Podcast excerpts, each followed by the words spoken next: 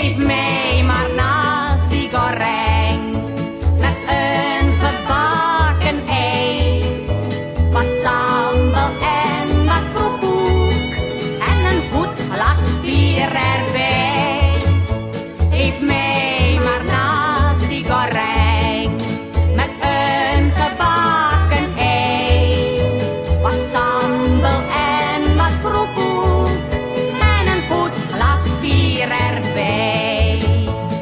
Sobat Kembang Lambe, apa kabar? Eh, seneng banget bisa ketemu di episode perdana podcast Kembang Lambe bersama saya, Teresia Alit. Nah, eh, sebelum kita ngobrol lebih lanjut bareng tamu kita, em, saya mau memperkenalkan diri dulu. Katanya kan kalau nggak kenal maka nggak sayang ya. Jadi apa sih itu podcast Kembang Lambe? Itu apa sih? Nah, eh, mau saya kenalin dulu apa itu Kembang Lambe Podcast dan kenapa yang dipilih itu adalah nama Kembang Lambe. Jadi eh, kata Kembang Lambe itu diambil dari bahasa Jawa yang artinya buah bibir. Nah, buah bibir ini sesuatu yang dibicarakan terus-menerus kan ya. Namun eh, kalau di Jawa itu kata-kata ini cenderung berkonotasi negatif.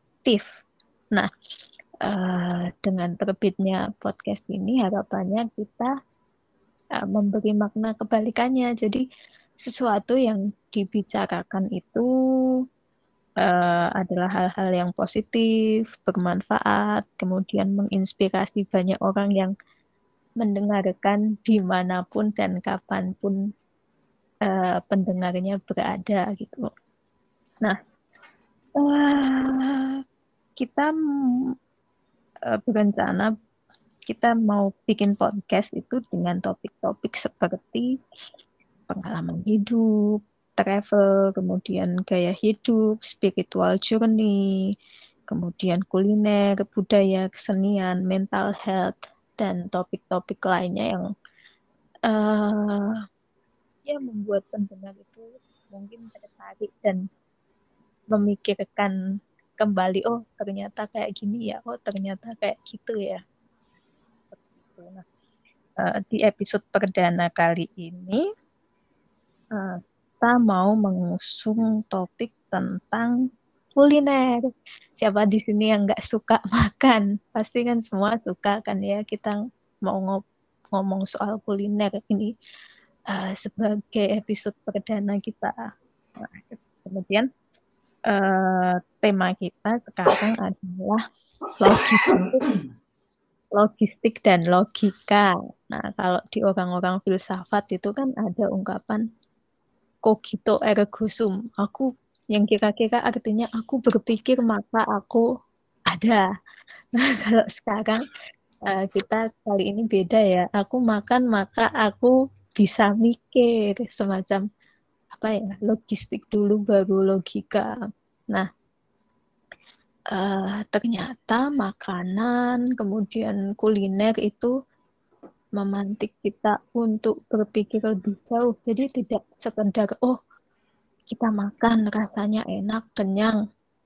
Ya udah, itu aja selesai. Tapi eh, kali ini kuliner itu membuat kita bisa mikir karena cakupannya luas dan eh, membawa serta latar belakang dan pemikiran tentang budaya, kemudian pengalaman keseharian yang sering kali luput dari pandangan kita secara umum. Nah, beruntung sekali itu hari ini eh, kita ngobrol bareng tamu kita soal kuliner. Siapa dia?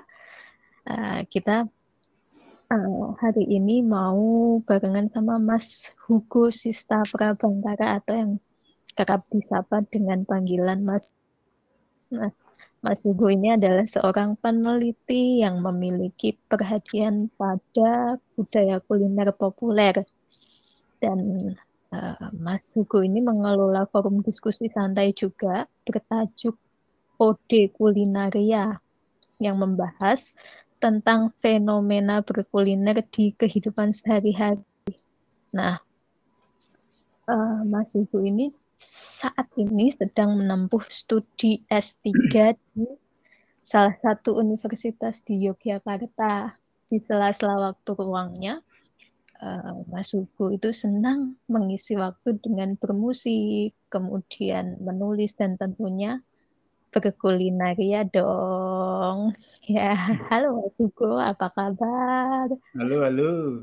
Wah, elok, apa elok. Kabar? Terima kasih sudah mau jadi bintang tamu di podcast ya. saya. Terima kasih sudah mengundang. Ya. Profisiat ya. ini dimulai memulai hal yang sangat baik. Nah, sekarang ini lagi sibuk apa sih, Mas? Ya, belajar sih. kuliah. Uh, kemudian kesibukan lainnya selain kuliah apa, Mas? Masih online? Ini tinggal anu apa namanya? nulis ya. Jadi kuliah kelas sudah teori sudah selesai, jadi tinggal penulisan. Oke. Terus gimana kabar di Jogja? Gimana? Gimana kabar di Jogja? Ya, ya gitu lah. nah, uh, Mas Hugo bisa diceritakan tidak kenapa sih tertarik di bidang kuliner gitu ya? Kan uh, kuliner itu bukan sekedar makan kenyang terus udah selesai gitu kan. Banyak istilah-istilah yang mungkin buat saya dan buat pendengar itu masih baru ya. Misalnya hmm. seperti istilah budaya kuliner kemudian juga apa sih gastronomi. Nah itu apa Oh lagi agak batuk ya mas. Oh, tapi nggak nganu nggak panas, emang kakek ngombe es. Ya, itu banyak berkuliner ya. Ya, gitulah. Ya, mau apa? Ngapa tertarik ya? Ya, kenapa sih tertarik dengan uh, kuliner? Hmm. uh, apa ya? Ya, mungkin saya tertarik ya. Ya selain faktor ya, faktor dorongan biologis. karena apa nek nggak madang ini nggak nggak iso mikir kalau nggak makan itu nggak iso uh, apa namanya bekerja beraktivitas tapi ya itu saya melihat yang menarik itu ada di balik itu ya ini prosesnya itu loh proses uh, ceritamu ya kasarannya cerita di balik apa yang kita konsumsi itu oh. pergulatan uh, yang masak, yang mencari bahan baku, wow. yang mengolah, misalnya petaninya atau peternaknya itu kan menarik sekali. Jadi secara sederhana sih, karena banyak lapisan-lapisan yang saya pikir sangat sia-sia kalau hanya di sekedar jadi bahan makanan aja gitu, hanya di sebagai bahan apa namanya, hanya dimakan terus selesai tapi hmm. bisa ditarik lebih jauh daripada itu. Tapi menurutku ya tidak masalah kalau misalnya makanan ya dilihat makanan atau minuman itu dilihat sebagai uh, pelepas lapar dan dahaga itu tidak masalah karena hmm. memang uh, tidak semua orang memilih untuk uh, atau tertarik untuk mempelajari lebih jauh ya cuma yeah minimal mungkin bisa coba sedikit-sedikit mm-hmm. bisa mencari tahu lebih jauh mencari apa namanya karena yang namanya mengolah uh, hidangan itu jadi sebuah ciri khas manusia saya pikir karena tidak ada makhluk lain selain manusia selama ini yang mengolah uh, bahan mentah jadi sebuah hidangan dan kemudian syarat akan wacana syarat akan kebudayaan mungkin itu yang jadi menarik. Oke. Nah, kan sering dengar juga istilah gastronomi. Mungkin ini hmm, juga ya. istilahnya bukan buat kita semua, buat hmm. sobat hmm. juga. Sebetulnya apa sih gastronomi itu? Nah, itu sebenarnya tradisi makan yang muncul pada abad ke 19 di Eropa, khususnya Prancis. Karena seperti mungkin kita banyak yang tahu bahwa peradaban uh, seni kuliner itu pada tahun 19 itu berkembang cukup pesat di negara Prancis dan negara Eropa sekitarnya. Dan itu waktu zaman itu tuh makan itu tidak hanya tidak lagi menjadi uh, kebutuhan untuk melepas lapar, tapi menjadi uh, pamer pamer status sosial. Wow. Jadi yang dilihat itu kuantitas seberapa banyak yang dimakan. Maksudnya bukan porsinya satu hidangan ya, tapi bermacam-macam ragam-ragamnya itu yang diperlihatkan. Oke. Okay. Uh, lalu uh, seberapa eksotiskah bahan bahan baku yang digunakan ya mungkin kalau lebih tar, contohnya di Indonesia yang apa Indonesia dijajah ya rempah itu kan rempah itu jadi uh, komoditas eksotis bagi negara yang menjajah kita dulu bangsa yang menjajah kita dulu lalu ya itu itu jadi tradisi tradisi bangsa Barat dalam tanda kutip ya yeah. dan itu identik dengan uh, bisa disederhanakan sebagai aturan makan yang baik atau benar. Karena hmm. kalau ditarik eti apa namanya akar katanya, hmm. kan itu gastronomi. Hmm. Gastros, nomos, gastros itu bahasa Yunani artinya perut atau lambung. Nomos itu bahasa Yunani juga artinya aturan atau ilmu, hukum. Jadi ya ilmu atau hukum, aturan makan yang baik atau benar. Jadi jadi lama-lama kalau kita lihat itu uh, kalau menurut saya itu gastronomi itu uh, sangat merepresentasi sangat merepresentasikan uh, wacana kaum elit gitu loh. Karena kalau sekarang memang sekarang kalau yang saya amati mulai mulai banyak yang menggunakan istilah itu. Mm-hmm. Tapi masih sangat langka.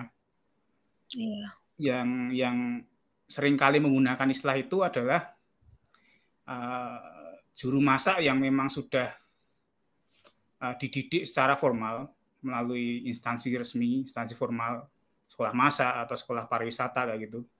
Yeah. Dan instansi negara tentu ini lagi lagi cukup gencar ini digaungkan. Lalu apa namanya uh, ya itu sih dari instansi sejauh ini itu yang saya mati. Nah, uh, uh, gimana? Nah, kalau gastronomi sendiri itu apakah punya sub bidang? Misalnya gastronomi apa, gastronomi apa gitu ada nggak sih? Oh. Uh, saya belum mengulik lebih jauh banget ya, cuma dalam gastronomi itu ada itu lingkupnya besar, besar ya luas ya. Ya. Di dalam situ ada yang namanya uh, gourmet, tulisannya G O U R M E T itu uh, sekali lagi itu ak akarnya dari peradaban negara barat hmm. dalam tanda kutip ya. Itu identik dengan seseorang yang dapat mengapresiasi uh, hidangan hidangan yang bersifat elegan atau uh, luar biasa enak itulah gourmet ada itu kemudian yang lain itu ada istilahnya foodies foodies itu lebih kayak orang biasa yang menikmati jajan gitu tapi di balik itu sebenarnya dia juga memproduksi pengetahuan gitu melalui komentar ya kalau sekarang di media sosial kan kita bisa sangat bebas mempublikasi apa yang kita konsumsi itu. Mm -hmm. Itu dua dua di antaranya. Yang lain saya nggak begitu paham lebih detail. Tapi selain itu memang ada cabang yang lain itu gastronomi molekuler. Oh, Oke, okay. apa itu, Mas? Itu apa ya kayak gabungan antara ilmu makanan, ilmu masak, dan uh, ya fisika dan kimia gitu lah molekul molekul itu. Jadi jadinya makanan yang cukup eh, kontemporer itulah jadi kita misalnya kita makan nasi tapi rupanya tidak berbentuk nasi. Misalnya kita makan nasi dengan cara minum tapi saat kita minum cairan itu rasanya nasi ya kayak gitu. Itu. Atau kalau paling sederhana kalau pernah ke Sekaten dulu sebelum pandemi itu ada uh, snack namanya asap naga atau apa ya itu jadi kalau kita makan tuh pakai nitrogen itu kayak nitrogen cair yang anu apa kembang es oh iya, jadi iya. makan tuh kayak apa uh, apa namanya kayak menghirup apa namanya uh, kita menyemburkan asap nah kayak hmm. gitulah sederhananya tapi ya itu saya nggak begitu memahami jauh soal itu ya gastronomi molekuler. Tapi ini cukup luas, memang tidak hanya terhenti pada itu. Nah, eh, kemudian apa sih eh, kaitannya gastronomi dengan masyarakat luas pada umumnya gitu? Ya, nek gas kalau kalau gitu sih saya lihatnya ya gastronomi itu bagian dari masa eh, lihatnya sebagai bagian dari masyarakat itu karena ya. diproduksi oleh manusia ya kelompok suatu kelompok masyarakat tertentu hmm. gastronomi produk ya itu apa produk masyarakat tertentu dalam konteks sejarah ya masyarakat uh, kelas menengah atas di Prancis misalnya mas katakanlah tapi uh, ya itu apa tujuannya kan tadi karena istilahnya ada ilmunya dan aturannya itu uh, jadi ada wacana men, istilahnya kalau kita belajar dulu kan ada istilah mendisiplinkan ya. Nah, ya. itu wacana-wacana yang terkandung dalam gastronomi itu syarat akan upaya untuk mendisiplinkan uh, konsumen kita, tukang makan supaya menikmati atau menghargai makanan hidangan itu dengan baik dan benar dalam tanda kutip. Misalnya terstruktur kita kalau mengomentar ya tidak hanya enak atau tidak tapi uh, luas itulah dalamnya. Uh, tap, ya, tapi nganu ya apa namanya? Uh, tapi walaupun itu produk masyarakat itu kan konteks apa uh, yang perlu digarisbawahi itu kan produk dari masyarakat kelas menengah ke atas ya. Jadi kalau kita letakkan dalam konteks Indonesia ini agak bermasalah. Oh iya. Uh -uh, karena itu tadi mengkontekstualisasikan hal yang bukan dari sini kan tidak boleh tergesa-gesa gitu. Iya. Yeah. Nah ini yang saya amati itu banyak beberapa asosiasi dan instansi apa institusi-institusi pemerintah program-program tertentu terkait pada uh, uh, gastronomi itu agak tergesa-gesa jadi tidak melihat konteksnya misalnya uh, ada sebuah asosiasi yang masyarakat yang mengkonsumsi sebuah hidangan itu tahu perbedaan antara gastronomi dengan kuliner oh. kan kita kan tadi misalnya Mbak Ali kan membuka ini dengan siapa sih yang nggak anu nggak suka makan nggak suka ber, apa, makan kuliner gitu ya yeah. nah gitu kan kita di telinga kita. Iya. Istilah kuliner kan lebih familiar daripada gastronomi. Betul. Betul. Nah, dan secara umum uh, yang kita pahami sebagai kuliner itu kan sudah mewakili aktivitas masak dan makan. dan apa uh, obrolan mengenai hal itu gitu. Nah, menurut asosiasi tertentu dan kebijakan-kebijakan yang mengatasnamakan pemerintah itu kurang kurang tepat gitu. Jadi ya makanya ini didorong ya pakai istilah kamu bukan kamu tuh bukan seorang penikmat kuliner tapi kamu itu gastronom gitu loh. Pengennya pengennya masyarakat tuh paham kayak gitu. Iya, tapi terlalu cepat ya mungkin. Terlalu cepat, oh. Ya. Ada usaha untuk misalnya meminjam istilah dari sejarah apa namanya dari Sangskerta. Ya. Kan kalau di Sangskerta kan eh, makanan boga ya. Iya, Tuh. Nah, ini ada yang apa? Asosiasi ini ada asosiasi yang mengguna, mengkontekstualisasikan menjadi uh, upaboga gastronomi itu. Supaya hmm. lekat dengan konteks masyarakat Indonesia. Nusantara. Nah, Nusantara. Tapi ya itu tadi kuncinya kan Nusantara dan akar bahasanya itu loh. Yeah. Itu masih dominan atas satu budaya satu budaya saja gitu loh. Kan iya. kalau mikir, mikir kayak gitu kan kita, oh itu sangat Jawa sekali.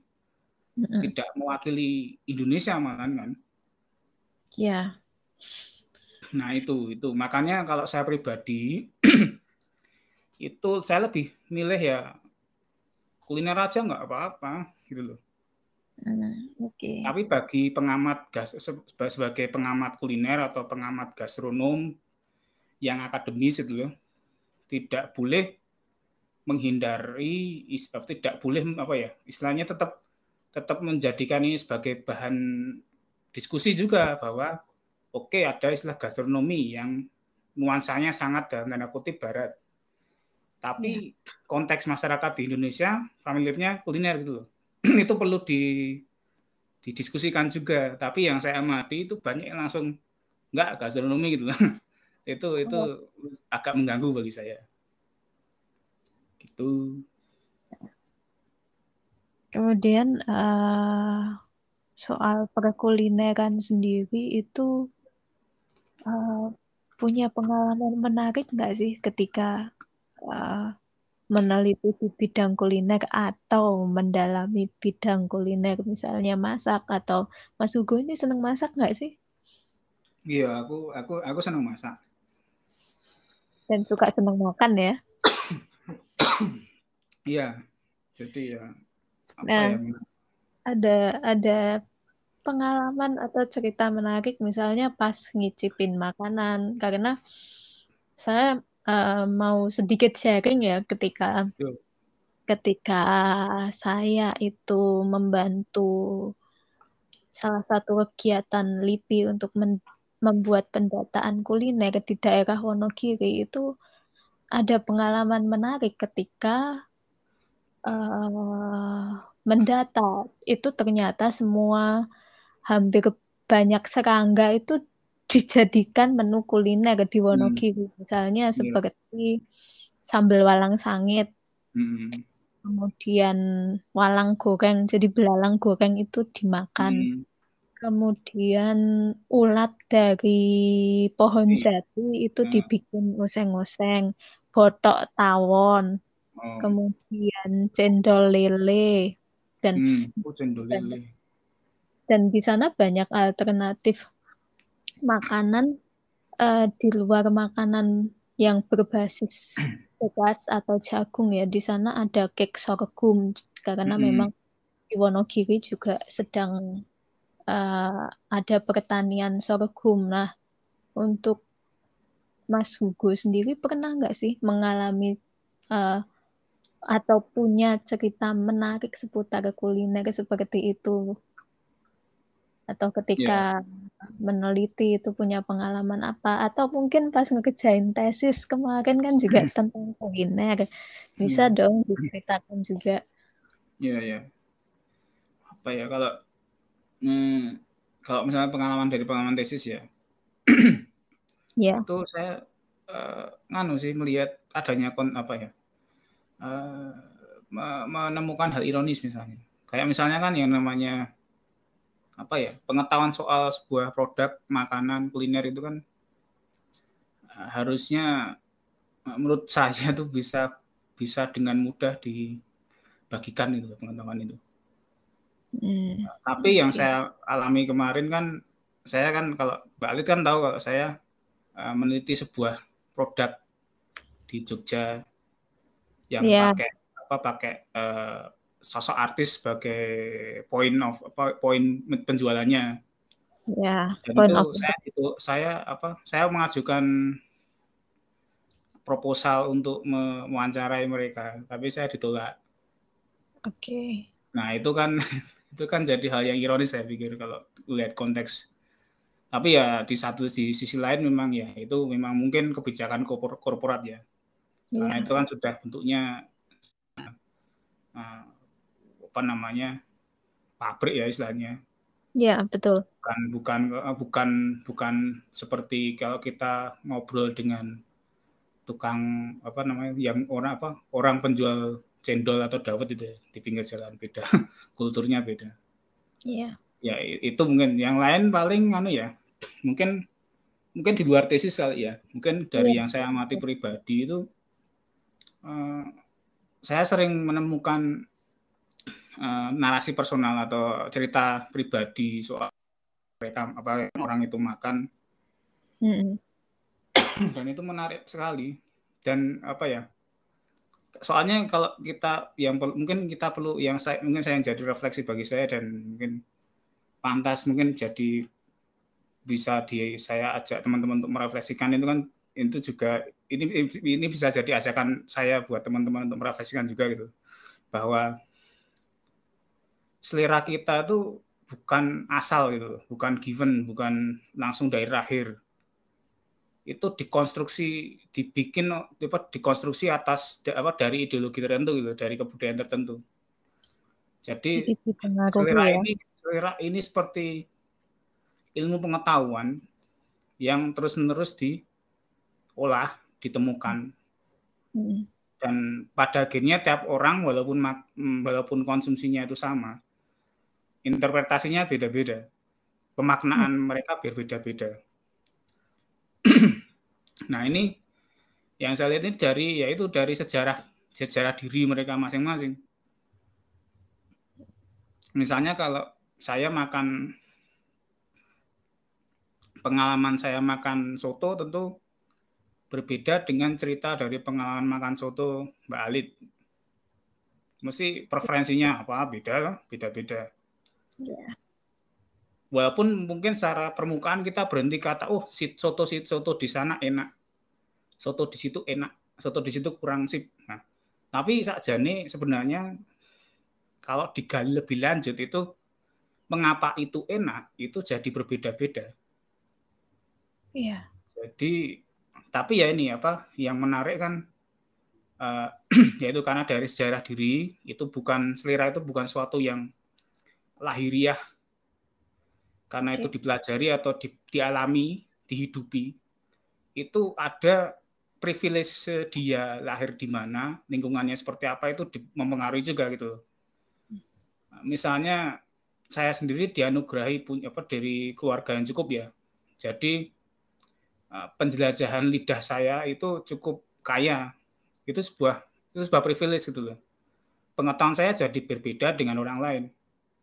Ini Nah, ini kadang kala orang meneliti, apa ya, mengkritik atau meneliti sebuah produk kuliner itu tidak me, tidak mengatakan ini di permukaan di, tidak mengatakan ini bahwa mereka apa yang mereka apa yang mereka rasakan itu sebuah sebuah buah dari privilege mereka.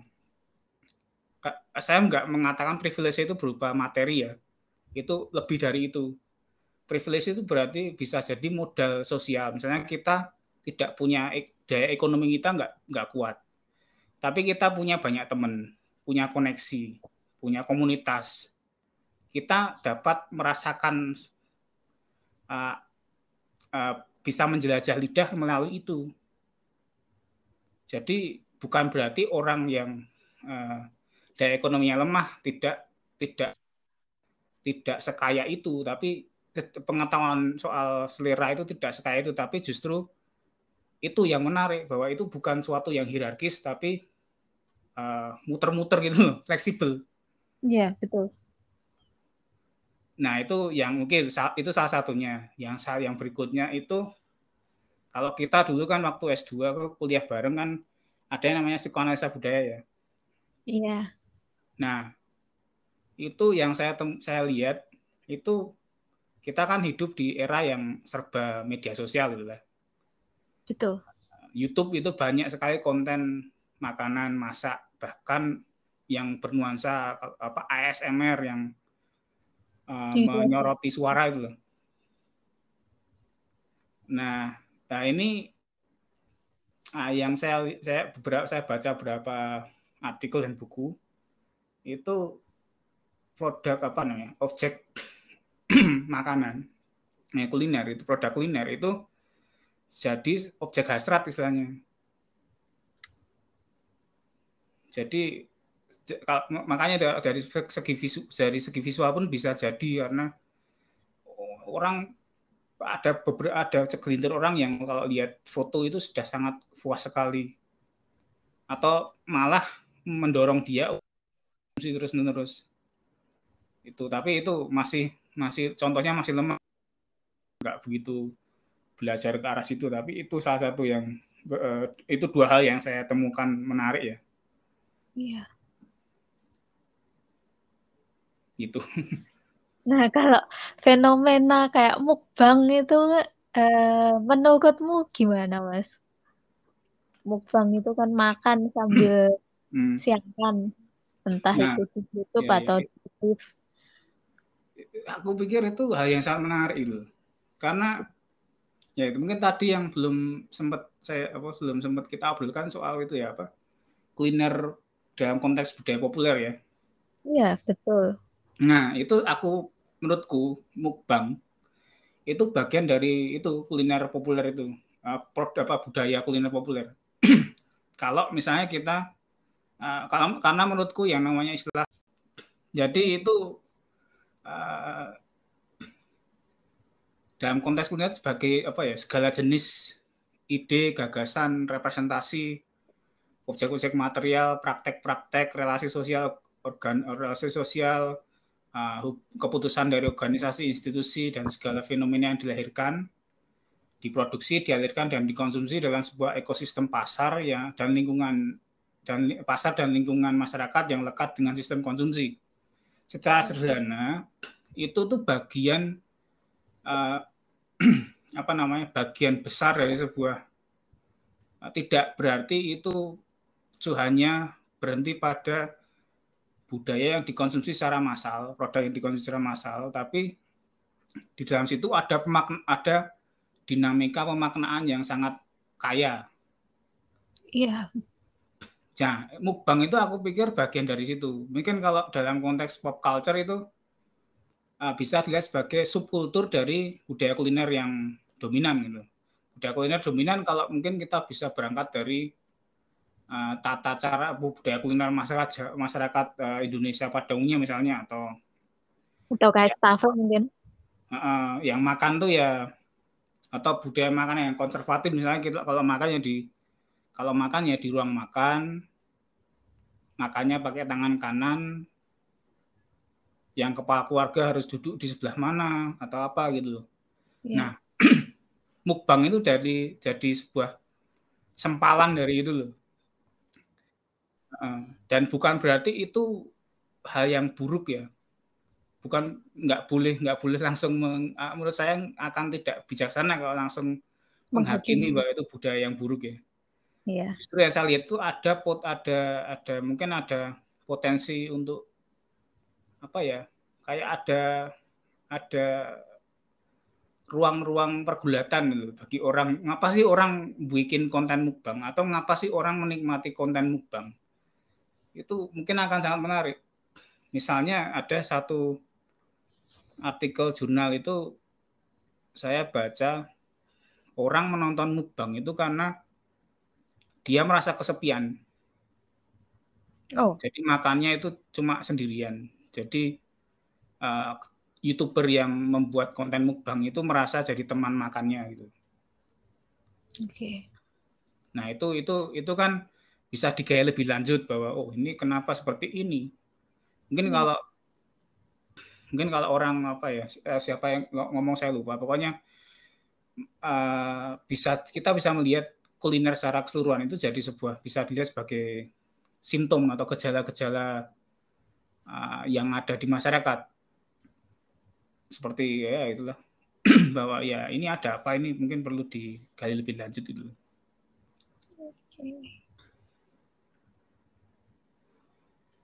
Well, uh, Mas Hugo ini pernah ngicipin kuliner dari mana aja atau jangan-jangan pernah nyoba mukbang juga? ya, nek ya itu ya tadi kan saya apa saya sudah bilang bahwa saya uh, punya privilege Iya. punya jelajah yang aneh ya luas ya kan saya apa saya mencicipi makanan itu paling jauh itu di beberapa negara di Eropa Oke. Di Prancis Belanda dan Belgia. Kita dong pengalamannya. Itu makanan Iya. apa aja yang yang pernah diicipi kemudian cerita apa aja di balik makanan itu yang Mas Hugo ketahui. Ya ya am- anu ya apa eh, di di di Belanda itu kan kalau eh, saya kurang begitu tahu detail ya tapi di sana ada namanya makanan eh, produk ikan dari ikan herring namanya jenisnya itu diawetkan menggunakan larutan cuka dan garam itu nek bayangkan rasanya jijik ikan yang di dan itu tidak seperti ikan asin yang di Indonesia ya. Kalau ikan asin di Indonesia kan kering ya. Iya. Ide di sini di Sisono itu basah itu, Iya. disajikan dingin. Dan itu rasanya tidak seburuk yang apa yang kita dengar jadi lumayan. Jadi kalau kalau itu kalau misalnya yang pernah makan sushi atau sashimi ya kayak gitulah rasanya. Oke. Dan itu sejarahnya ya karena itu tuh tersebar di beberapa daerah Eropa di uh, daerah negara-negara Norwegia dan di sekitarnya uh, Jerman karena itu makanan yang makanan musim dingin kalau nggak salah.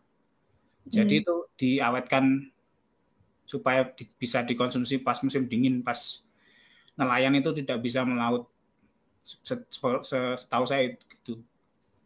Lalu ya itu di di di kalau di Indonesia kan ada eh, di Jawa lah itu orang nyebut roti goreng kan galundeng ya.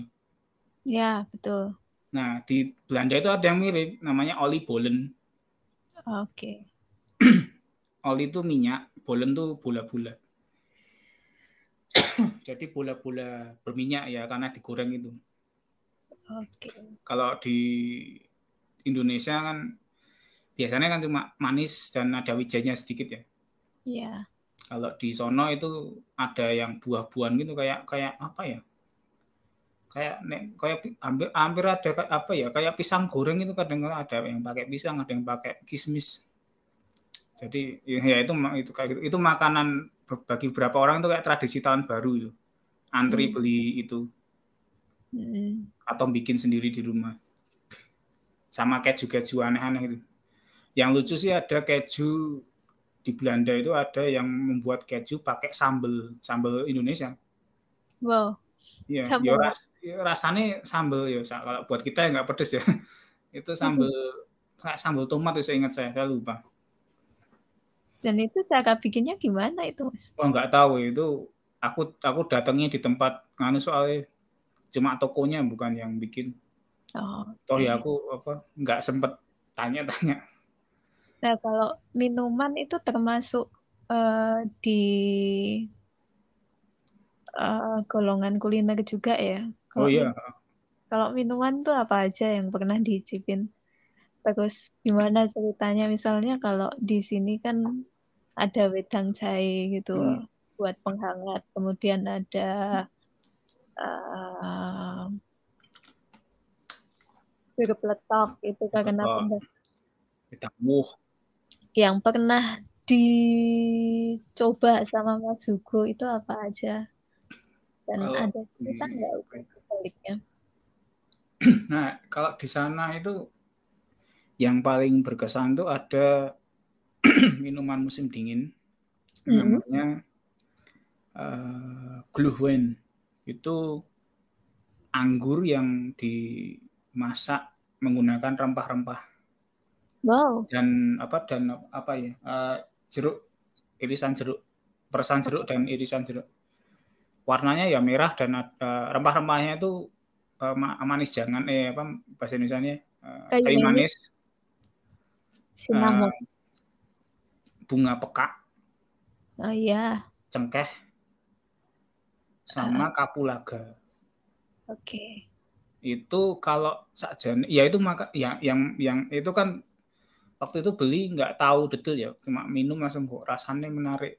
Nah, itu saya praktekkan di rumah bikin saya beli anggur itu anggur lokal. Terus tak masak ya lumayan. Tapi saya, gimana? Rasanya mirip nggak? Mirip sih. Kalau kata orang kata kata saudara malah lebih enak. Hmm, oke. Okay. tapi nganu apa uh, yang menarik bagi saya itu terlintas sembuh ono kaitannya ora. Mungkin mau ngotak adik gatuk saya. Itu mirip dengan wedang uwuh gitu loh. Oh wedang uwuh wedang uwuh kan oh ya apa aku membayangke nggak tahu ini mungkin ya keliru ya cuma waton gua aja. Nah, jadi mungkin mungkin orang orang Belanda ke sini pengen yang anget-anget. Ya ada ada wedang jahe dan sebagainya ya. Iya. Tapi kan pengen, wah pengen ini nih anggur yang berempah.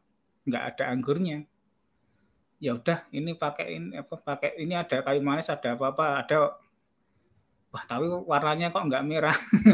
Terus wah pakai kulit kayu cang merah mungkin loh wah, itu cuma imajinasi gua aja karena nggak tahu ya kita ya namanya perjalanan spiritual hmm. itu seperti apa kan iya. karena banyak yang sifatnya kan oral ya tidak banyak yang tercatat sejarah Iya. uh, kalau kuliner lokal Mas yang paling paling berkesan itu apa? Atau yang paling punya cerita dan uh, pernah membaca cerita tentang kuliner lokal itu? Hmm. ada aja? Uh, ya mungkin karena saya dari Jogja, orang langsung mikirnya yang namanya Jogja itu gudeg. Gudeg ya. Kalau saya malah nggak begitu seneng gudeg. Tapi tapi apa eh, emang sejarahnya menarik ya. Kita nggak tahu persis yang mana yang benar iya tapi apa eh, yang aku pikir masuk akal ya yang soal itu sebagai makanan prajurit. Hmm. Karena, Gimana ceritanya? ya ini aku yang aku baca dari apa ya salah satunya historia itu pernah ngulik cukup panjang itu yang versi yang aku tahu ya jadi eh, pasar Beringharjo kan dulu belum jadi pasar waktu abad keberapa saya lupa itu masih berupa lahan lahan apa ya apa namanya alas lah masih banyak apa pohon-pohon kebun dan di sana banyak ditemukan itu apa pohon nangka. Iya. Nah, itu dan sama sultan atau sama siapa ya itu diminta dibabat. Terus dibabat karena nangkanya itu apa namanya rugi kalau cuma dibuang gitu aja ya diolah di atas periuk apa di atas periuk atau kuali itu pokoknya di atas di tempat apa dimasak di tempat yang besar mm -hmm. pakai api dan diaduk-aduk. Terus ya kenapa kok namanya gudeg ya? Karena proses pembuatannya kan terus-menerus dimasak. Hmm. Di udek-udek. Oke. Okay. Jadi namanya gudeg itu dari itu hangudeg, hangudeg. Hangudeg itu salah satu versi. Yang versi lain nggak tahu, tapi itu yang saya yang paling saya sering dengar. Nah, kalau selain apa ya mungkin ya itu apa yang kalau ya teman yang paling sudah pada tahu kan soal Pak Jogja kan ya gudeg Pia gitu ya.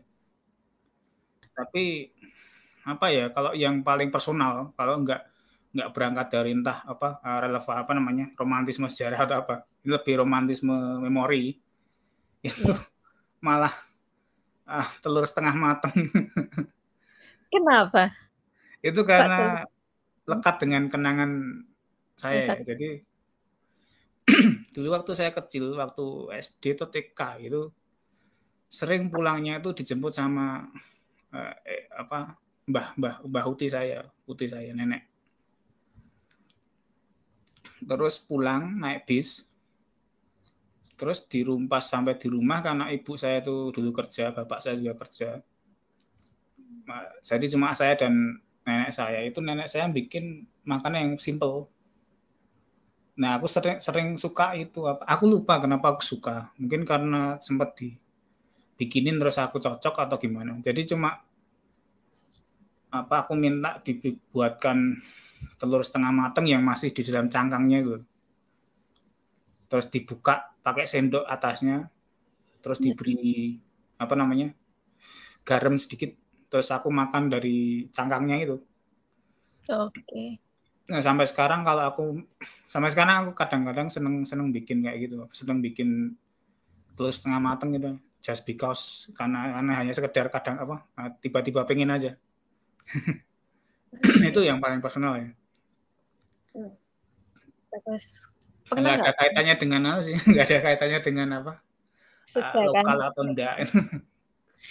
nah, tanya apa? Uh, punya nggak sih pengalaman personal tapi tentang yang diicipi atau dimakan secara komunal jadi dimakan secara bareng-bareng sama siapa atau uh, ketika makan-makan sama teman-teman sekelas gitu nggak ada kenangan-kenangan soal kuliner seperti itu.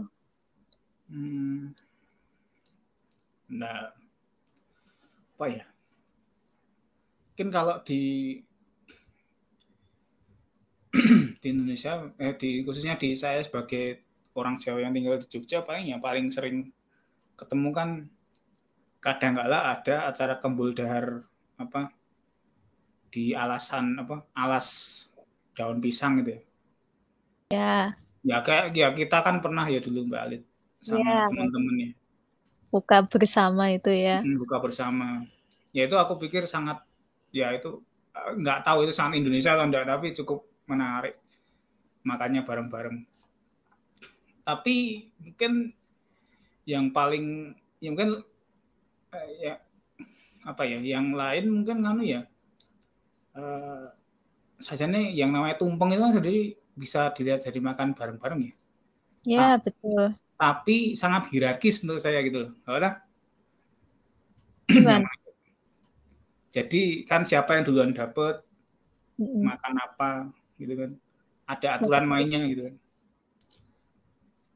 Di pucuknya itu harus caranya harus ya, kalau yang masih sangat kolot atau masih sangat menguri-nguri kan harus begini caranya. Bukan namanya bukan dipotong tapi apa istilahnya? Nyaru eh. Iya. Nah, nyaru ya? Jadi pakai entong di nggak dipotong tapi diset gitu ya. Ya gitulah.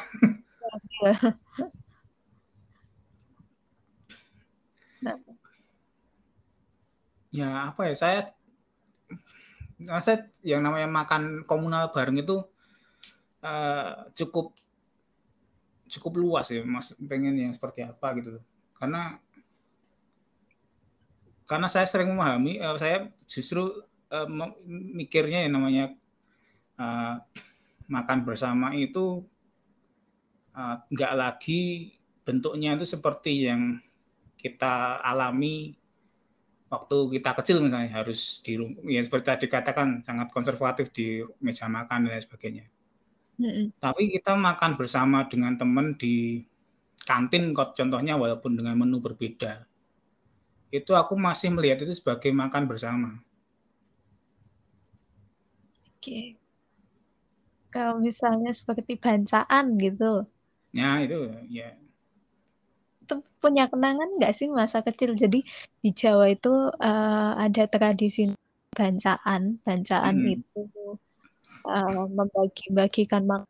Tapi sebelumnya diberi doa dulu, ya. di, supaya gelis gede atau cepat gede, anaknya sehat dan lain sebagainya itu uh, di situ mas. Ya punya sih punya. Uh, kalau untuk bacaan saya pribadi untuk saya pribadi dulu aku udah agak lupa ya tapi dulu yang saya ingat tuh uh, waktu ada kitanan tetangga anak tetangga mm-hmm. atau ulang tahun saya lupa pokoknya dulu zaman dulu kan karena nggak ada HP ya nggak di nggak apa nggak bisa di WA ya cuma dihampiri gitu Iya. Yeah. Diomongin sama ada tetangga yang ngomong Mas Hugo itu ada bancaan si ini habis ulang tahun apa ulang tahun atau kitanan itu lupa akhirnya berkumpullah di depan rumah itu warga yang sedang apa punya apa rezeki itu. Yang saya ingat yang cuma pakai pincuan kecil ya. Uh, dalamnya itu ada nasi sedikit. Uh, apa namanya? Uh, urap. Yeah. Kedelai kedelai yang digoreng itu. Yeah. Terus apa ya? Geres sedikit tuh enggak salah. Ya, ya itu sih kayak gitu. Oh sama irisan telur rebus. Telur rebusnya diiris berapa ini mas? Soalnya... bahasa Indonesia apa ya? Kalau bahasa Inggrisnya wedges loh. kayak bulan itu, bulan sabit itu. Nah, soalnya satu telur itu bisa dibagi sampai delapan. Iya. Ya kecil lah pokoknya. Tipis kayak tipis kecil. Kecil dikasihnya tipis banget. Dan itu oh. aja udah seneng banget itu pengalaman personal iya, saya. Iya seneng seneng banget. Sama kan akhirnya makannya kan juga bareng-bareng sama teman-teman. Iya dan nggak di rumah makannya. Dan selera selera makan itu naik ketika lapar dan bareng-bareng. Iya. Iya. Itu. Uh... Kalau sekarang kan lucu apa? Kalau sekarang kan beda ya apa? Bancaannya iya yang apa yang didongani kan bukan menu kayak gitu tapi roti ulang tahun.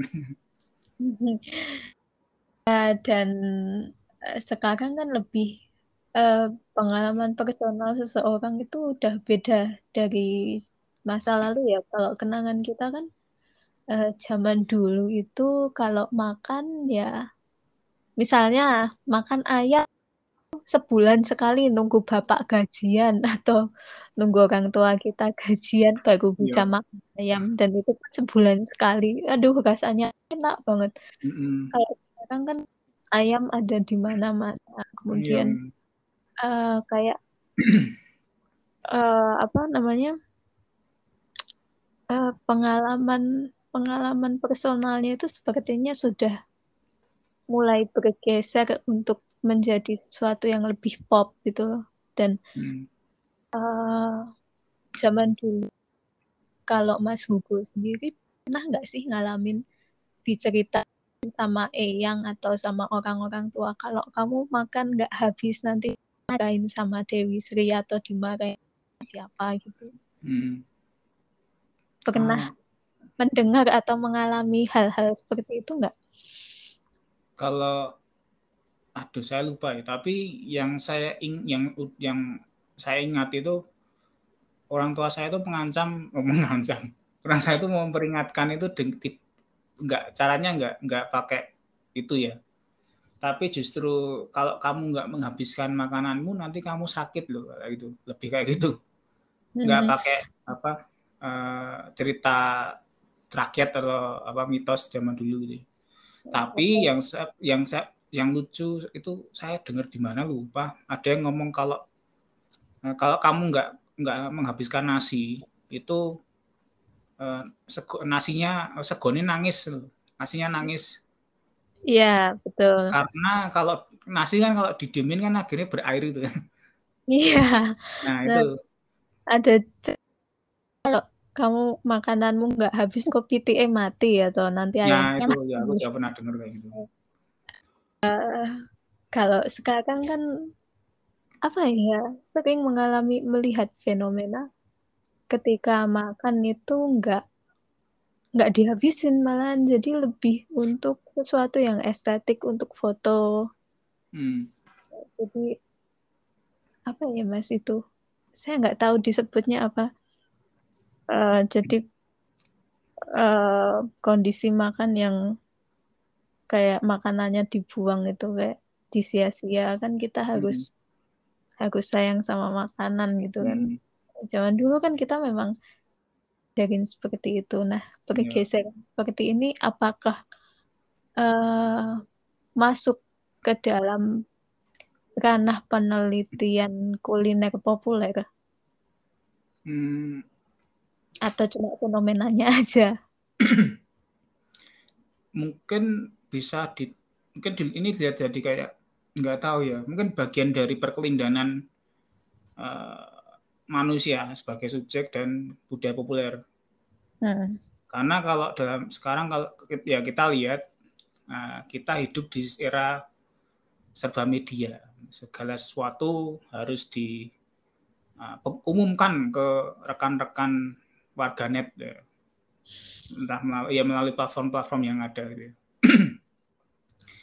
Informasi banyak hadir dan banyak di apa informasi banyak diproduksi dan banyak dikonsumsi dan kita manusia sebagai apa kita tidak lagi mm, posisinya tidak lagi sebagai konsumen tapi kita juga memproduksi jadi itu bagian dari dinamika seorang prosumen istilahnya kalau dalam studi uh, media. Hmm. Jadi kita mengkonsumsi makanan, misalnya mengkonsumsi produk, tapi juga memproduksi. Produksinya dengan cara apa? Ya tidak mungkin tidak bentuknya tidak secara material hal yang sama, tapi bentuknya lain. Misalnya uh, bentuknya jadi sebagai citra apa namanya image yang kita posting di media sosial. Hmm.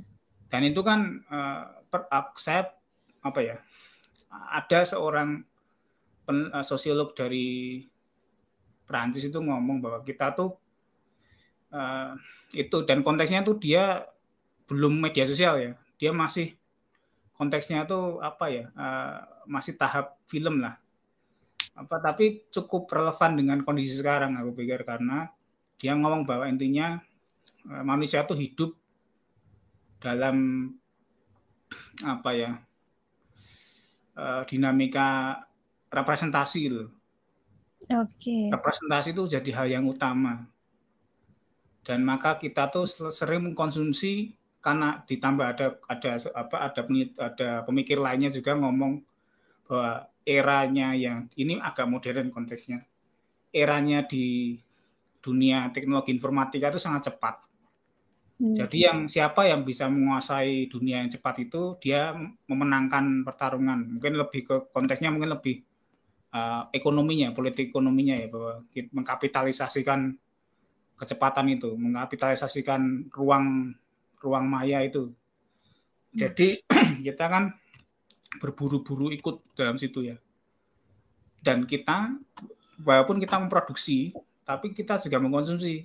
Nah, repotnya kan yang kita konsumsi itu karena ruangnya cepat itu yang kita konsumsi ya sangat cepat jadi yeah. citra-citra aja apa gambar-gambar yang kita konsumsi misalnya dalam konteks Instagram itu ya cuma kayak sekelebat aja sambil lalu nggak diproses hmm.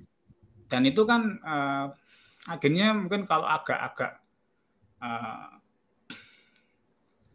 apa uh, agak-agak kalau kita menyikapinya agak Eh, konservatif mungkin bisa wah kita harus merefleksikannya itu dulu sebelum diposting kayak gitu. Hmm. Ruang untuk me, ber, ber apa uh, ruang untuk me, istilahnya apa uh, berdialektika untuk bernegosiasi dengan diri sendiri itu ter, ter apa terbatas banget karena saat, karena ke, yang dibutuhkan itu kecepatan.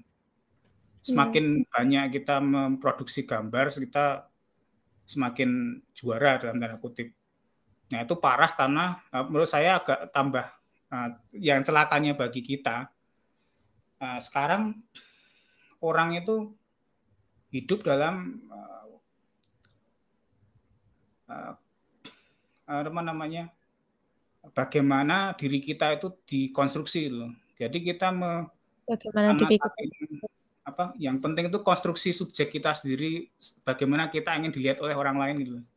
Iya. Jadi mungkin ya mungkin bagi beberapa orang itu hal yang sangat uh, apa membuang-buang gitu. Misalnya kalau apa makan kita nggak makan tapi mau yang penting mau trade dulu gitu ya. Terus diposting, dibikin caption yang menarik, kemudian baru diposting atau diapakan gitu ya. Hmm. Mungkin memang agak aneh, tapi aku pikir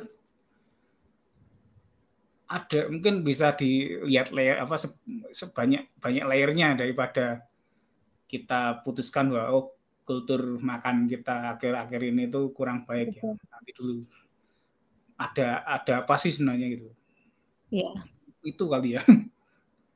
Ya mudah-mudahan tidak tidak apa tidak membingungkan. Ya dan memang memang, uh, pengalaman personal tiap orang pun kan juga beda-beda, perubahan itu kan selalu pasti ada kan, hmm. uh, dan itu perubahan itu dibentuk oleh lingkungan dan masyarakat kita maka uh, ada budaya pop itu juga karena dibentuk oleh masyarakat dan juga uh, pengalaman hidup sehari-hari kan? Nah itu. Uh, kemudian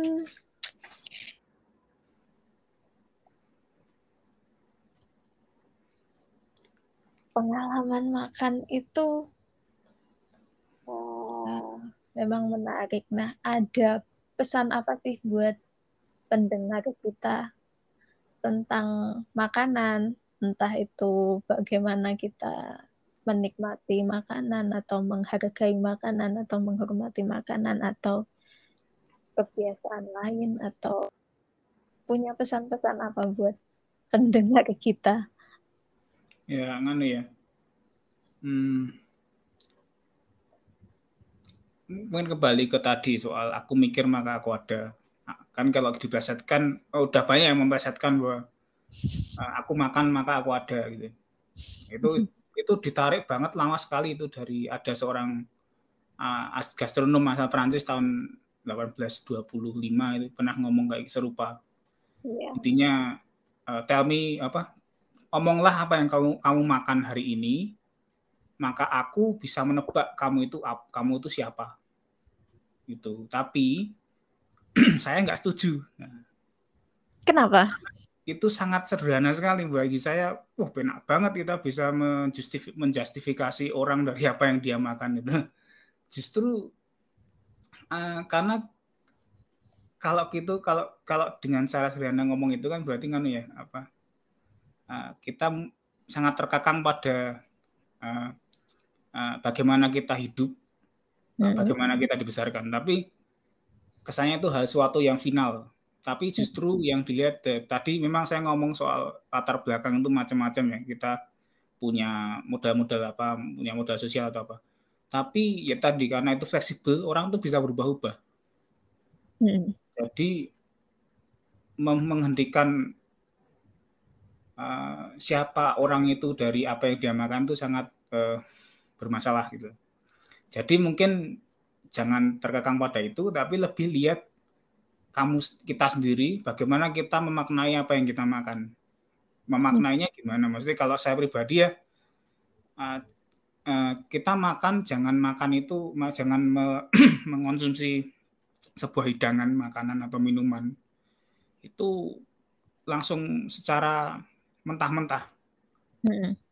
Secara apa istilahnya hanya taken for granted itu. Itu jangan aku pikir sangat tidak bijaksana kalau kita hanya berhenti pada makan. Kita juga harus aku pikir baik kalau kita mempelajari siapa sih yang masak. Lalu mungkin lebih lanjut lagi siapa sih yang memilih bahan bakunya atau lebih lanjut lagi siapa sih yang memproduksi ini. Lalu siapa sih yang uh, terlibat dalam rantai produksi produksi produk kuliner ini loh. Nah, itu itu jangan berhenti pada itu saja. Jangan berhenti pada makan saja maksudku. Jadi harus pelan-pelan kita coba eksplorasi karena itu jadi bagian cara kita menghargai kalau agak-agak nganu ya agak saklek uh, itu jadi cara menghargai budaya kita sendiri gitu. Mungkin bukan budaya kita sebagai seorang Jawa atau orang Sunda atau orang Bali, tapi budaya personal sejarah kita sendiri. Karena saya sebagai orang Jawa tentu beda dengan Jawa versi si B gitu ya. Ya. Itu. Ditambah itu kan jadi kan ya. Mungkin agak-agak rempet ke tren ya.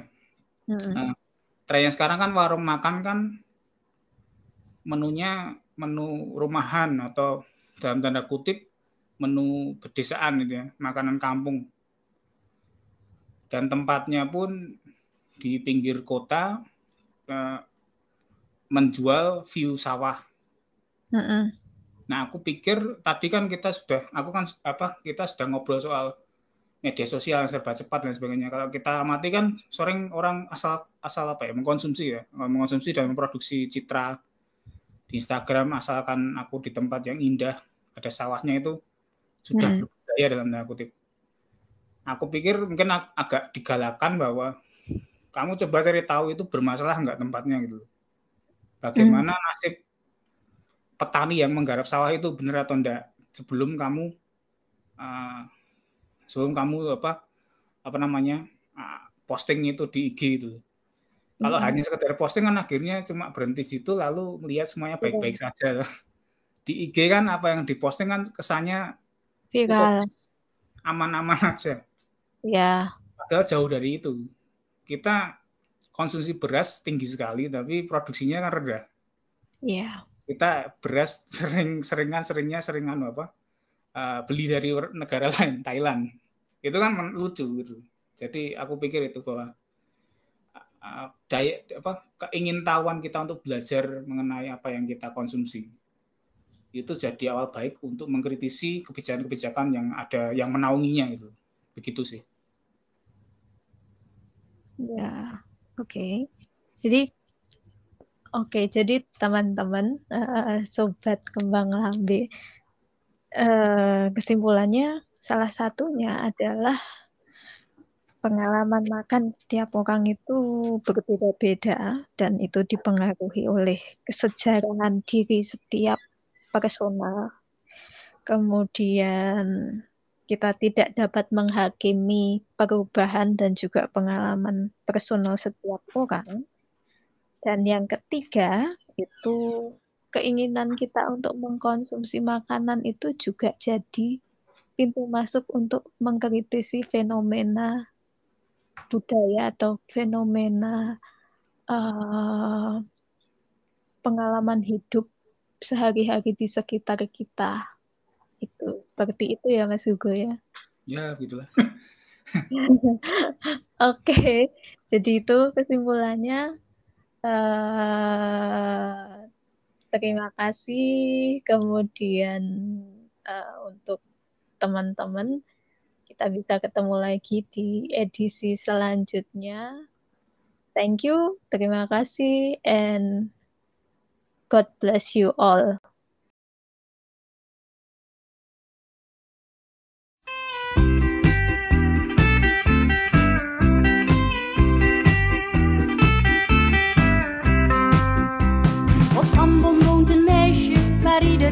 omdat ze heel erg mooi is en ook om wat ze drinkt. Reeds toen ze nog geen drie was en mama vroeg aan haar: Wat wil je nu eens drinken? Had zij haar antwoord klaar: Ik wil klapper, klappermelk met suiker, want iets anders lust ik niet.